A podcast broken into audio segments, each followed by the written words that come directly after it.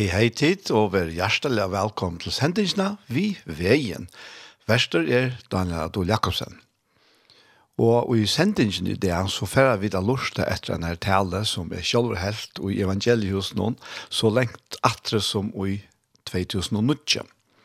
Men talen er aktuell enn, og allukkavall så er det som stod til å høre tilsipinger som tøyene som vær tar Jeg møtte noen i evangelius noen hentet her morgenen og i april 2019 så sunk vi lovsang og mitt annet så sunk vi et eisen til Ruben Morgan still og nå færer vi til Ledja 4 vi at høyre hilsang sannsyn til her sannsyn still.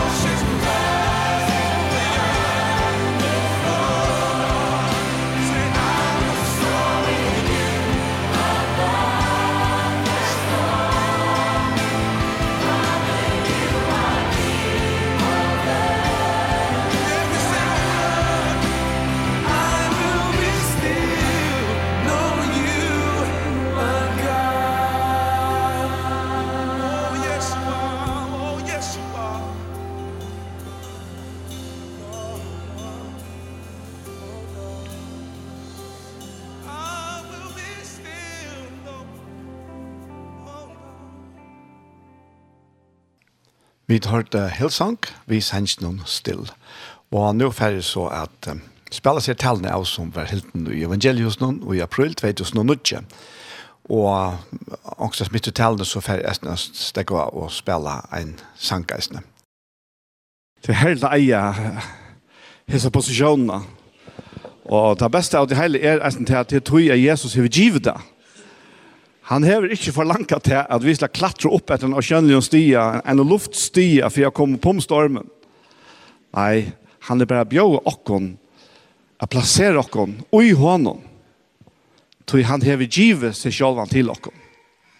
Og i Johannes kapittel 5, Her er ein av sånne mange samrøvene, eller en, man kan si, diskusjonen som Jesus heier vi jødene og farserene. Og her sier han at tid rannsaka skriftene, tog tid hoksa at tid hava ervet liv ut heimon, og til ter og vittne om meg, og til min vilja tid ikkje koma, så tid kunne få av liv Og knapplig jar, satt han barsten, så kjente jeg bare til at disse spørnegren reistes ui meg, hvert halda vid at Jesus kom at djeva okkom. Hva er det Jesus bjøver okkom? Er det en god moral? Er det at at er det et godt fyrdømme? Er det at han hever bjøver okkom at fylgja seg?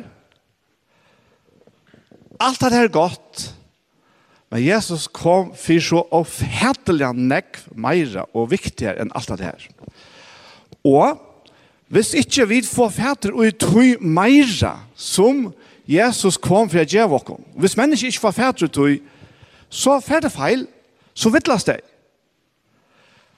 Og til det som Jesus så sier vi farsener henne her dagen her, at tid rannsaker skriftene, tog tid halta at tid har ævet liv og i teimån men til min vilja dit ikkje koma. Ter tel om jeg sier, men til min vilja dit ikkje koma, så det kunne få liv. Så det er, det er faktisk veldig viktig at vi får fæter og tyverlige. Det er i sannleikene, og ikke i, i firestillningene. Og det er øyne nek mennesker, bare her fargen rundt om, som har en fyrstilling om til at bliva tryggvante, til at bliva frelste, til at bliva fatter av nudjon, til er en spørning om å begynne å kikke seg øvelse. Og til skal jeg helst så si at til er til ikke. Ja, Ja, men er det så lykka mye hvordan jeg er livet, hvordan jeg handler, hvordan jeg er ferdig, at vi, uh, men medmennesken, nei, det er ikke det jeg sier. Men jeg sier til at livet, vi Kristus er, Er ikke en spørning om å begynne å kikke seg øves. Til øyne er faktisk som halter til. Og det blir så inngrekve at det faktisk blir et begrep, kan det si, om folk som har en øyne sterske mening, ja, det har som frelsta meninger. Det er så frelste sine meningen, og så gjør ja.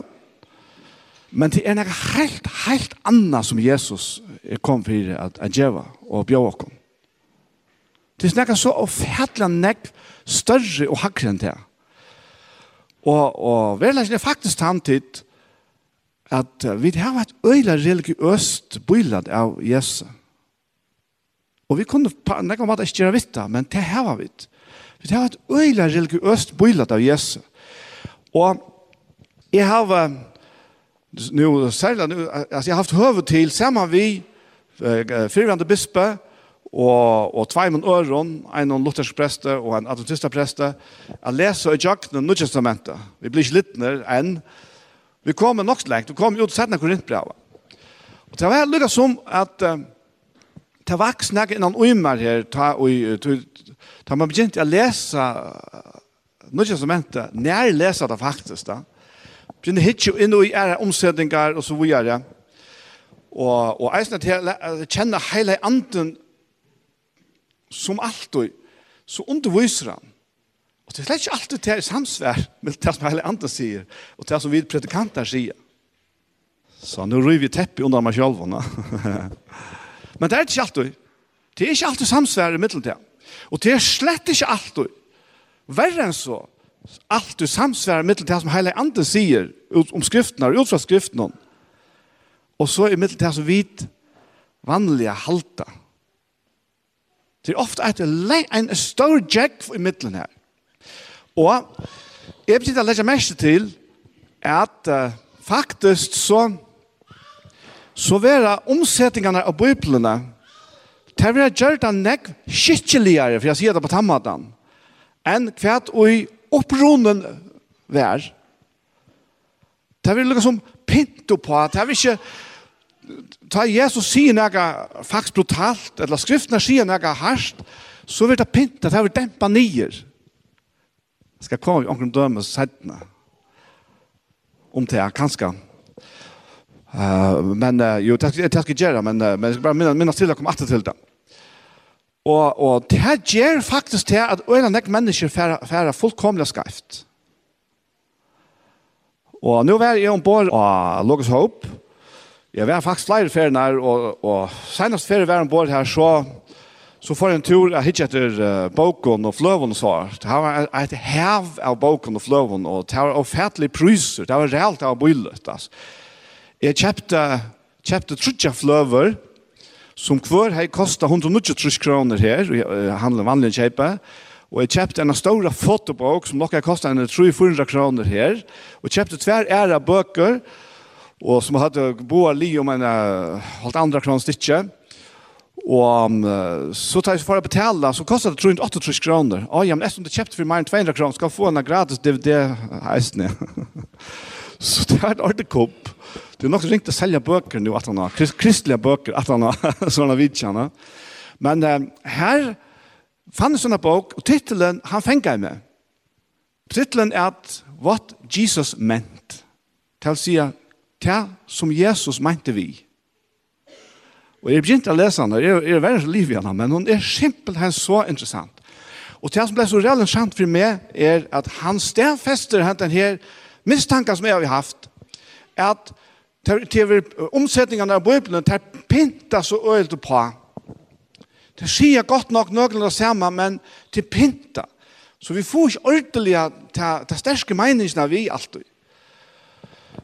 Og, og så sier han her, nu skal jeg, jeg, jeg har omsett nærke morgenen, tror jeg som han sier her.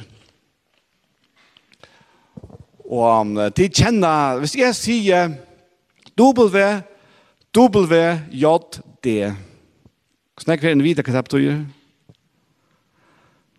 W, W, J, D. What would Jesus do? Hva er det Jesus gjørst? Hva Og han skriver upp det her. Han sier at oj avvison religiös som kreson tärna bokstäverna WWJD som passord etla shibbolett. Det var en passord som ble brukt i gamle som hette. Heima suger skälja armband och t-shirts vi er som kryptiska mottoinon. Nægre politikere sier at hese slä årene leia tær ta tær tege avgjør. Bokstavene standa fyrir what would Jesus do? Hva vil det Jesus gjørst? Vi vera vissa om at ta vi gjerra til sama, ta er ta ta, ta verilega kristna endamalen. Men kunne vi verilega strempa etter å gjerra det sama som Jesus gjørt? Hadde er et øyelig framt innskje, alltid også, å, nå er det hese situasjonen, hva er det Jesus gjørst? Det er det det mest vi, ja. Men kunne vi verilega strempa etter å gjerra det sama som Jesus gjørt det? Så tek han noen dømer her.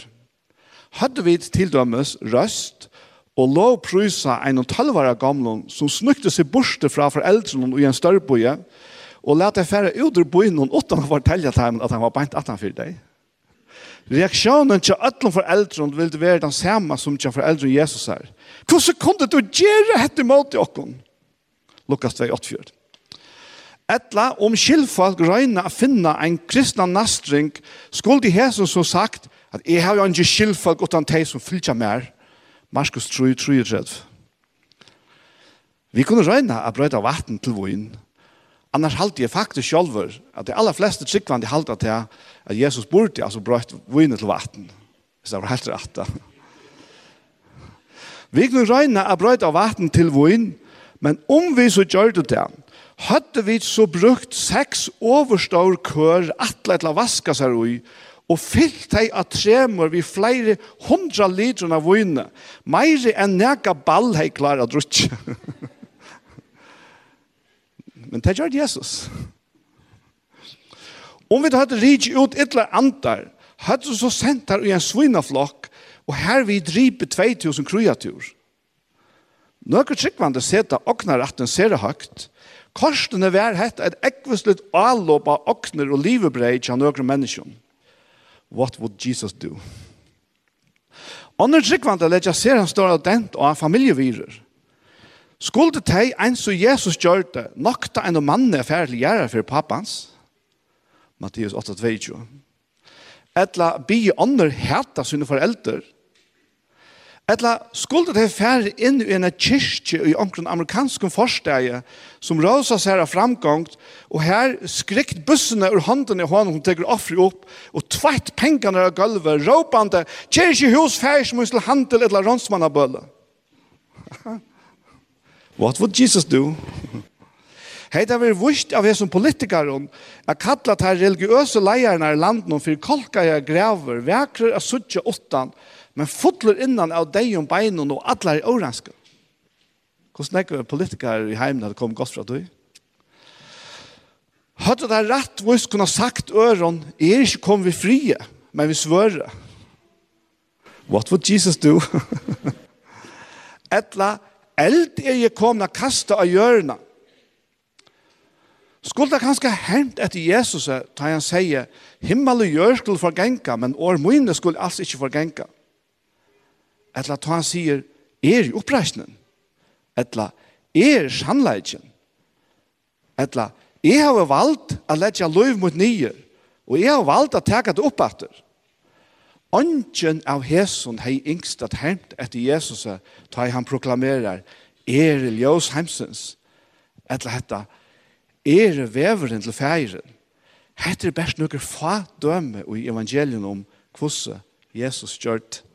Han er det Gary Wills som er skrivet seg bort av What Jesus Meant. Jeg har sagt det flere finner, altså, kanskje mest privat. Det er veldig sjeldan vi sutja hæsa suyene av Jesus, eller, eller høyre hæsa suyene av Jesus, og i uh, talen og boken. Men vet du Jesus, han var helt, helt, helt vanlig mittel mennesker. Han oppførte seg så vanligt mellom mennesker at han ble fullstendig forkastet av av de religiøse leierne som er, er en av i vanlige fætan. Og vanlige mennesker, nå husker ikke om de som kommer regler, regler til møter, de betrakter meg som er en religiøs leier. Eller andalige leier, kan du si. Og alle mine lykker eisene. Og vit andalige leier Hvis vi får at til tøyna til Jesus tjekker, talte ikke Jesus. Vi talte han ikke. Han var fullstendig ved syne av. Han var så oheilaver og i tarrar fætan at her, her kunne man ikke råkna ved nøkron. Slett ikke. Og, og han, han gjør han gjør noen andre forskjellige ting. Til dømes, da han får inn av Vidja, Marste og Marie, så faktisk råser han henne som, som doveslige setter seg nye fri føttene og noen, og leter sist og sånn ordne alt. Jeg mener vi at uh, det standa ganske tversistrar og strujast til køtjen og, og, og gjør det daglige. Og til Jesus kommer så, så Så andre hun slipper bare ødelen, hun får seta seg her av lorsta. Og vi da finner jeg så øyla pent bøyla det av tog, og vi kan sikkert ikke flott maler røy, hvor Maria sitter så leisne, og lorsta det. Men hva skal jeg? Det var ikke en still låsangsløtt. Så jeg opplevde Marsta til Guds rikk. Til Marsta, hon får råpa ned i stovna, hvor blir du ikke sist, du må komme hjelpa mer. Hvis omkring kom inn nå, hessa løtna, det er vi som ikke låsang på handa med det, Hvordan hadde vi oppleva det? Hva hadde vi hilt det? Men Jesus var, og i Gvassra enn sagt, så vann heilaver. At det er, er man sier for meg, er faktisk helt, helt utrolig glad for det. Så utrolig glad for at Jesus var så deilig anmyndelig. Og det er, det er, det er ordentlig, det, det provokerer dere. Så det bryter vi okkara vanlige fætan, okkara religiøse fætan. Og vi tar han ødel. Jeg selv er eisende, vi trenger ikke av undantidsen. Som her var seg her religiøse fætene av en antall i vidskiften. Og la meg bare si jeg på denne veien, at faktisk verilasjene tann, at det er det som hindrar og forar vanlige mennesker å komme til Jesus. Det er største hinder for det som vi kallar vetjeng kan bråde ut det er okkara religiøse holdninger og fætan av løyven over Jesus. Og verleis er faktisk tann at vi tatt det passa så rævla nekk bedre inn i middelfarserene enn samme vi Jesus.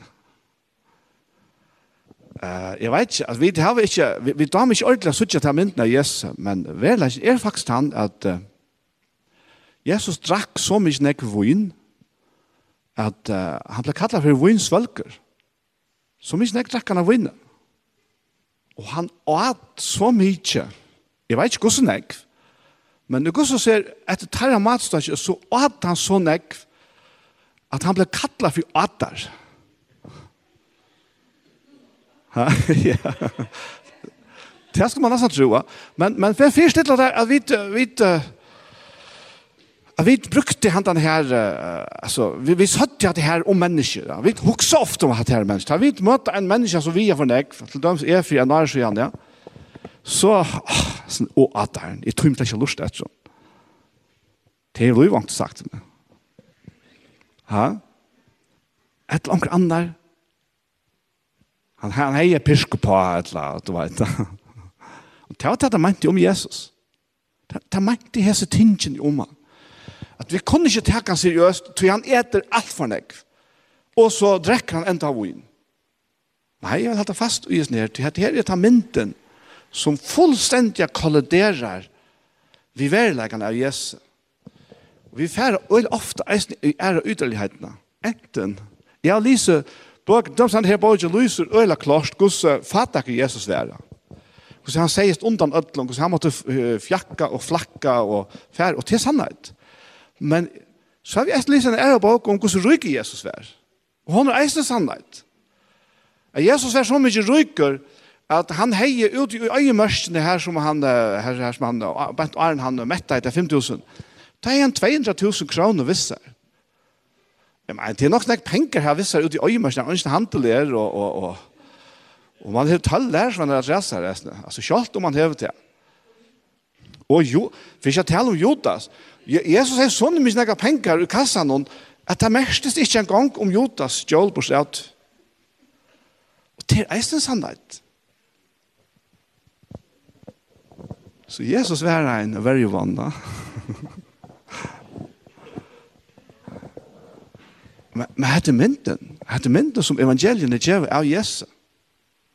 Ja, men Jesus, hvert var det så du komst til? Hva, hva, hva var det han gjør det? Ja, man kan så prøve hitje etter hva avers kan heie av mennesker. Det merkelige vi Jesus sier, at da han kommer skjema vid rankaren og adaren, så begynner det å oppføre service. Hese menneskene som heva alt det her uiser, som alle mennesker heva, til at de møter Jesus, brøyder tarra liv, fullkomlig. Arne vi får halta fram vi talnems, og færre høre Elvis Presley, vi sannston He Touched Me. Mm.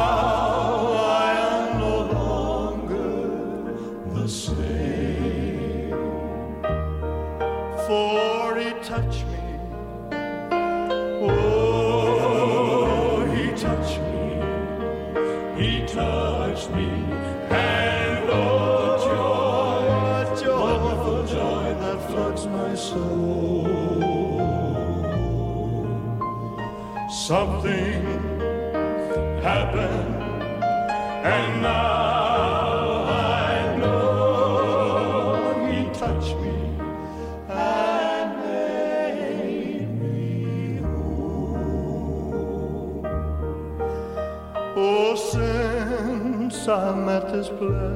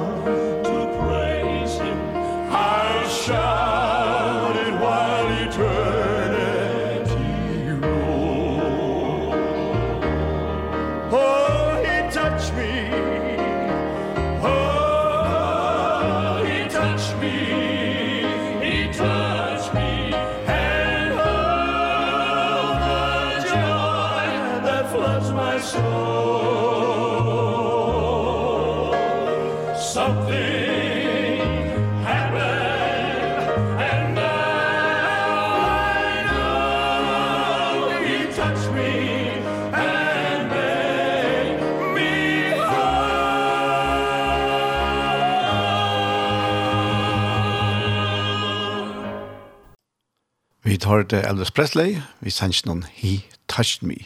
Hette er sendingen vi veien og verster er Daniel, og i det så hører vi denne tale som er selv helt i evangeliet noen i april 2019, og her kommer så settende parster av talen.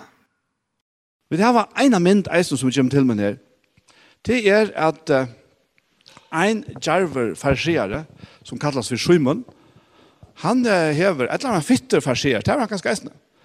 Han bjóva Jesus inn til døvra, og her sitter flere farsier sammen vitt dem.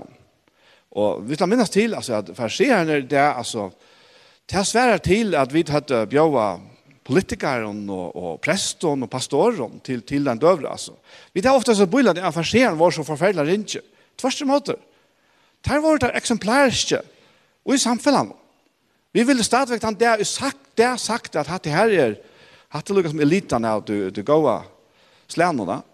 Så det var falske. Og så kommer en, jeg vet ikke om benker på hornet, eller hornet bare verer brester opp, så kommer en skøtja inn i det fina selskap. Og jeg kan godt si at det kan til at her ble tøgn. Her ble fullstendig stilt. Der miste nesten åndene. Alle samler, utan Jesus. Og det er så sjokkerer at, at Simon, han, han, han er ikke at uh, blekka han ut etter. Og han har kastet seg for føttene av Jesus.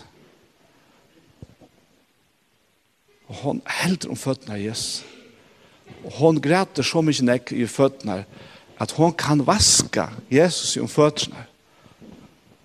Og hon er så fantastisk flott hår. Og lengt sutt her, at det var nok til at hun kunne torska fødselen av Jesus, vi som har. Og man har alt det, så hever hun en krukke av, ja, vil sagt kreme, vil du sagt det, det er også fint at man sier salve, men det var faktisk krem. Vi kunde nämna onke Gud mest och säga då det så kunde nämnt det, ja. Men det var det som svärade till det. Och det var rävla dorst. Det var svärade till en hela Oslo. Det vill säga att ja, en rymlig orslene, det är kanske ligger om 200 000. En liten krukka, 200 000 kronor. Sannsynligvis hun kjøpte fire pengarna som hun kjent vid hun skøtsliv. Det her hun kjent sine penger. Og det er ikke vi at han teker skrua låtje av, og slik som smir fingeren spekler på, og, og salva føttene til Jesus. Nei. Han tar krukka, han har ikke låk, hun bare brukes en affær. Hun er nødt til å knuse henne ved en lør. Og til faktisk jeg bruker alt på en gang. Men dette var ikke for nekk for jeg sa kvinner. Så hon salvar fötterna til Jesus. Og det stender om at når jeg går i engine, det fyllt i alt rommet. Og så færre seg her fine herrene at resonera. Ja, ok, jeg tror han var profet. Det var faktisk tog jeg hei bjøven til døvra. Jeg har vidt om ikke han hei, kanskje et eller annet. Spekulerer på han her med lov som ikke ordentlig forstå. Og Jeg råkner vi han for å forklare meg også fra tog. Ettersom han er profeter. Men nei, nå sier han er ikke profeter. Så hvis han er profeter, så er han vidt hvor han da kvinna er. Og så er han ikke lov henne gjørst det her. Men Jesus var ikke bare menneske sånn. Han var Guds sånn. Her er det så var han salva av hele andan. Så han kjente tankene til svimmen. Så åren svimmen sier nekka, så kommer han visner dømen om tvær menn som skilta en person og penger. En skilta er 500 denarer, og en skilta er 50 denarer. Hvis ni her personer som åtte penger til gavar, han etterkjever bare alt. Til boa tvei. Det er han som skiltar alt trus, og han som skiltar 500. Og så spyr Jesus, så er hver helde til om de elsker hentan her personen meira. Han som finner ikke etterkjever alt trus, eller 500. Ha, jeg finner ikke, la oss finne 500, det er da klart. Men han fengar ikkje ta stadvig at det var det var enda kvinnan og svimmen sjolvan som Jesus talar om. Og så får Jesus forklare. Svimmen, jeg kom inn til tøyen men du gass meg ikke en gang vatten så jeg kunne vaska meg en fødsnar. Hei, svimmen haft frener av hvor Jesus var. Så hei han ikke en gang sendt tjeneste folk som var vanligt å gjøre og byr tjeneste folk om å vaske føttene til Jesus, så er han gjørst det. Og han gjørst det vel og virkelig. Men Jesus sier, du gass meg ikke engang vatt til å vaske meg føttene. Så det var et øyla halvhjersta, øyla lunka forhold til farseeren heie til til å bjøve Jesus inn til døvra. Men henda kvinna, sier han. Henda kvinna. Og han skammer seg svina. Han skammer slett svina. Henda henne. Han kvinna Hon helt ikke pæt. Hon vaska i føtter mine ved tæren sin, og torska der vi har sin. Og hon helt ikke pæt at kissa føtter mine. Og her er det at salva hun der. Vi er så her, og fætla dyrer i til salven. Og han sier vi seg kvinna. Kvinna færre frie. Sintertuna er der fyrtjum. Kvoi Var det at hvis han selv om det som han gjør det? Nei, det var det ikke.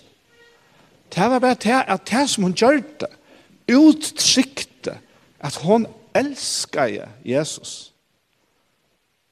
At hun verlig, og hvor gjør det hun det? Hvor, hvor elsker henne kvinna Jesus? Hva gjør det til at hun kunne hava et sår forhold til at hun breit alle grenser? Hon breit alla grenser fyrir hva du var, var falkalett. Fyrir at sleppa at djeva Jesus hette her. Hette offre. Jeg skal si det en. Det er tog ta hon er møtt Jesus. Kanskje se meg fyra parst, eller det er en fyra. Så var det første fyr hon møtte en menneske, en mann, som treita lest aksepterer henne fullkomliga åttan treiter acceptera dessa kvinna. Det var här första i livet hun har upplevt det. Og henne aksepten var så sterk at hon hever innan usar, i det är ivs i tjoj, hon hever kjent det at det var ikke bare et menneske som aksepterer meg, men att det er god selv som aksepterer meg. Og Jesus tog emot det Han tog emot. Han tog emot. Han er tåren. Han lät henne har släppa torska fødsene. Han tog emot at hun kiste fötterna til hon. Jeg mener vi, altså, han kunne ikke vinne spark. Han gjorde ferdig til Simon, stein fire. Så var han ikke kun heilskap utåt. Og om han og alt, så blei røsten henne, og forklarer jeg henne. Jeg hatt det som du opplevde da du møtte meg. Han den aksepten.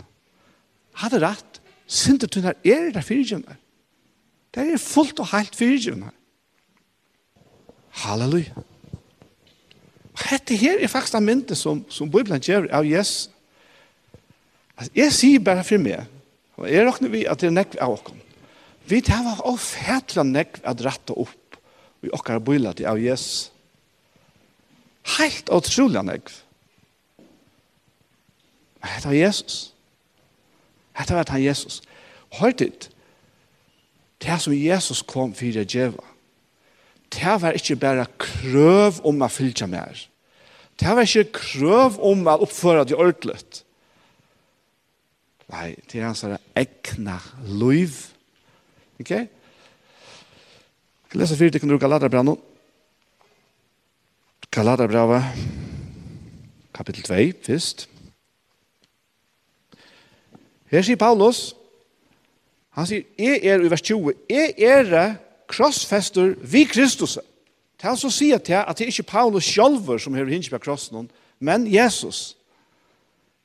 Men, det er vi råkna Paulus til gåar. Så at Paulus sier, er krossfester vi Kristus. Og nå er det ikke langer jeg som livet. Nei, Kristus lever og i mer, og livet som er nå livet i holden noen, han sier like noen, livet er trunne av sånn gods som elsker jeg meg og gav seg selv han fire meg. Halleluja. Og atra det her har vi til, åh, sånne religiøse fraser, det er ikke langer jeg som livet, Kristus lever i meg, så ikke det ikke, ja. Altså, vi har ofte en holdning til det tid. Paulus var ikke på den måten. Han var, han var rettelig lykke til. Eisen er at han var etter. Skal til dere komme til å døme her, som skal gjøre ting på etter. Og her er sånn her um, Gary Wells som skriver seg på oss her.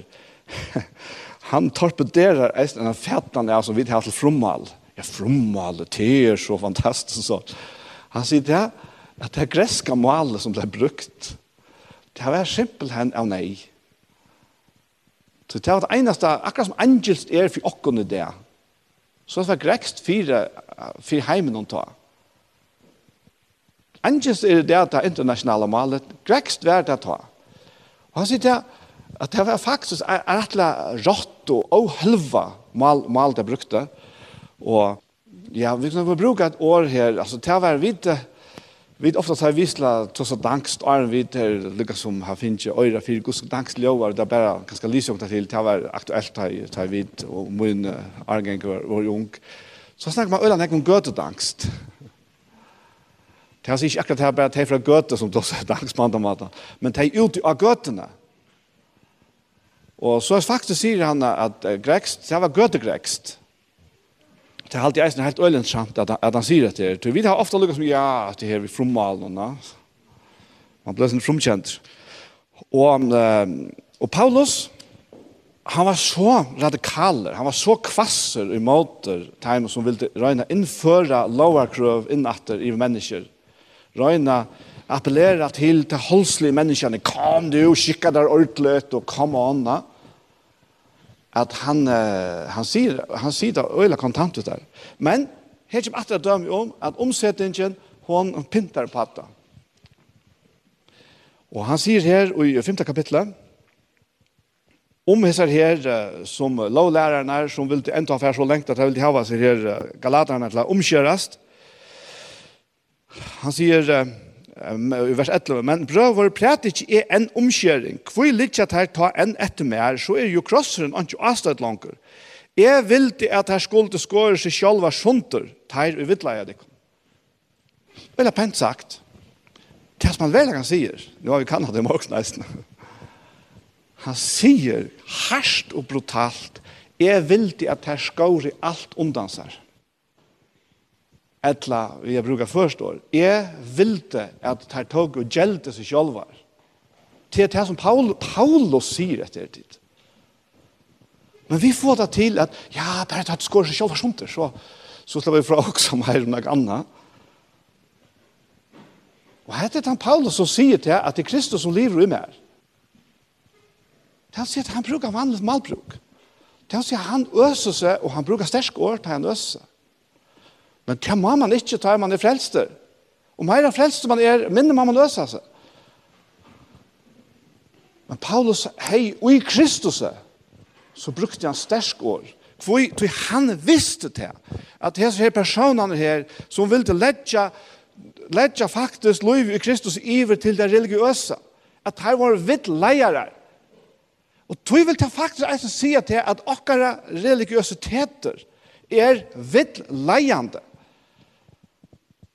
Folk som fylgjer okkon og i okkara religiøsitet, det er fra vittl. Så det er nok så herst hos som så sjåvan, ja, men er jeg en vittleiere? Det kan det være. Hvis jeg, hvis jeg forlanger til at folk skal livet opp til mine religiøse krøv, så er jeg en vittleier. Du er så lei det ikke til Kristus. Men Jesus, ditt, han fevner mennesker som er djupast fattelen han fevner de som er utskåtene av ødel og samfunnet. Men han fevner eisene de som eit av Simon farsier. Det betyr ikke at Jesus har noen måter henne menneskene. Men han taler sannleika. Og sannleiken er til han at det bærer vi at Jesus gav sitt liv. At vi kunne liva Guds liv. Fyra kvørt han du tror han ikke skal fortappes eller være verant ut for tapte støvne, men heva Jesus liv. Heva evet liv. Heva Guds liv. Halleluja. Og hette er bjøret til alle mennesker. Jeg kjente meg så størst enn å Umar. Jeg vet ikke akkurat hva det var i Joar, om det var at jeg hei Lise når jeg gav sånn her, og Arjen, og at jeg kopplet vidt her som jeg kjenner enn av Umar. Og jeg, må hakste innskje er at vi som Kristi likan, vi som mennesker som elskar Jesus, at da vi møter mennesken, så får de vogn, så de får aksept. De kjenner at de aksepterer det. Og han ser hvordan kiksa liv er.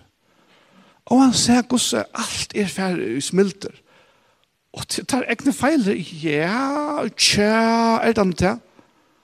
Hvor er det som binder mennesker? Ja. Hvor er det som kua mennesker nye? Det var han som Jesus kom og tog bardian mot. Jesus kom for å gjøre versk djevelsens lunches. Han kom for å øye kua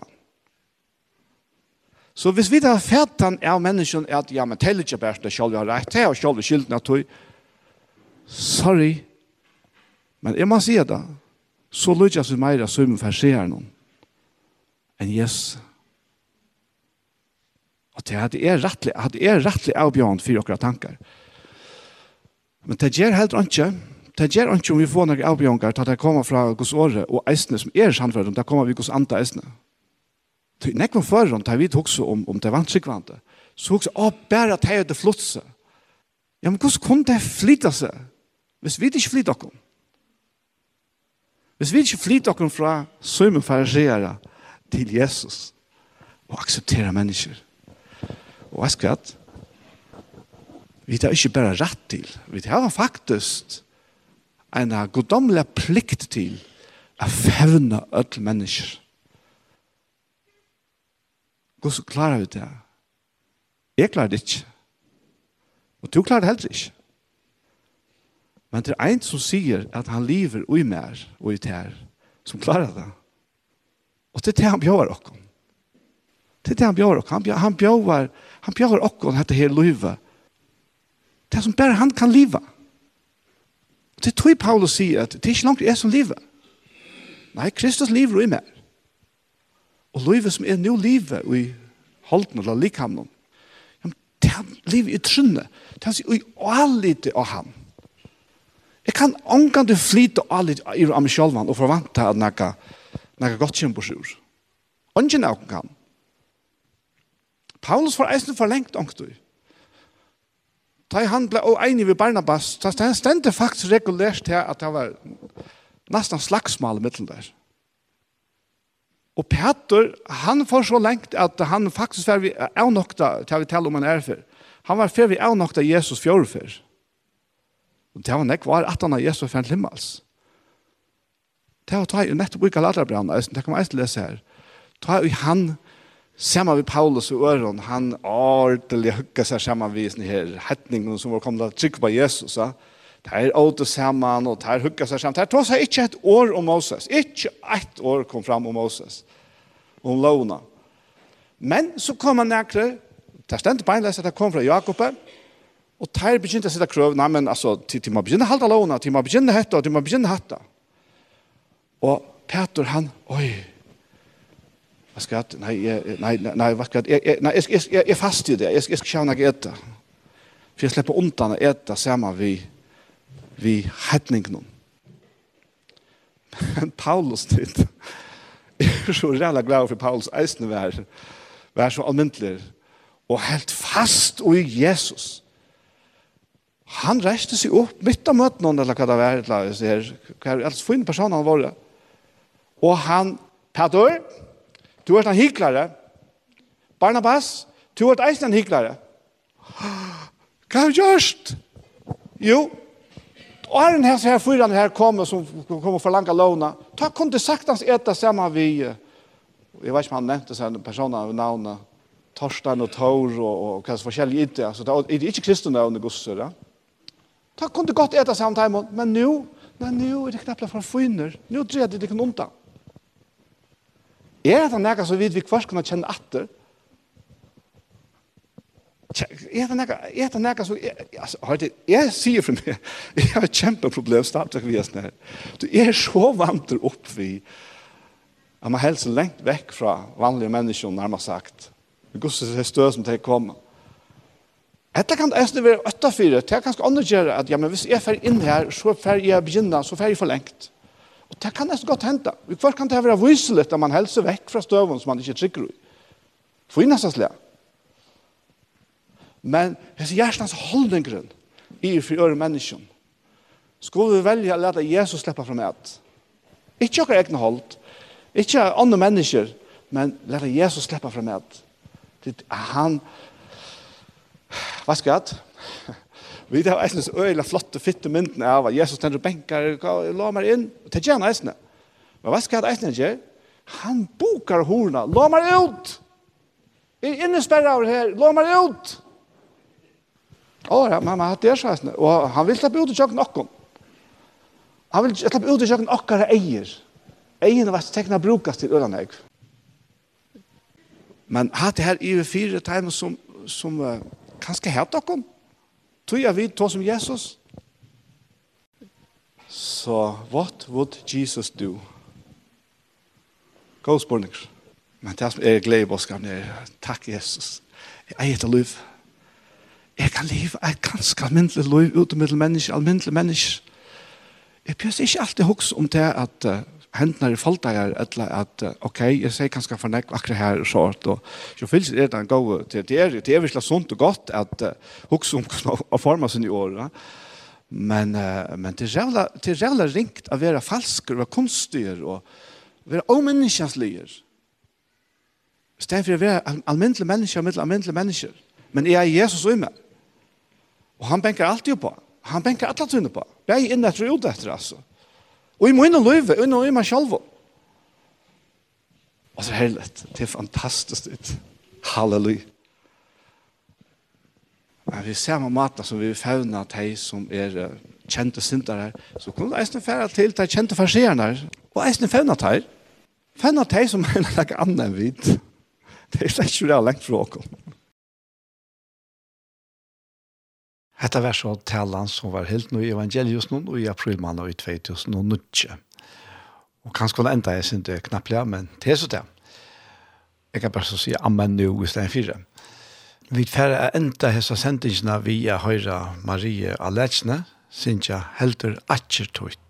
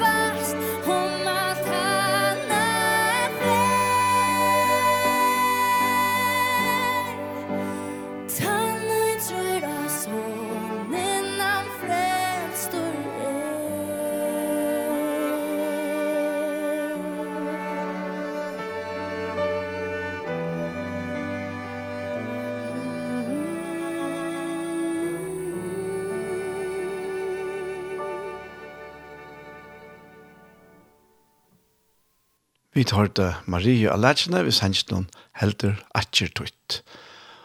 Og vi hesson så er så sendingen vi i veien, for hessofer kom at enda. Entan her sendingen over høyre atter i kvöld klokka 9 og atter i morgen er klokka fem. Så etter er best å si tusen takk for hessofer, og godt vikeskift.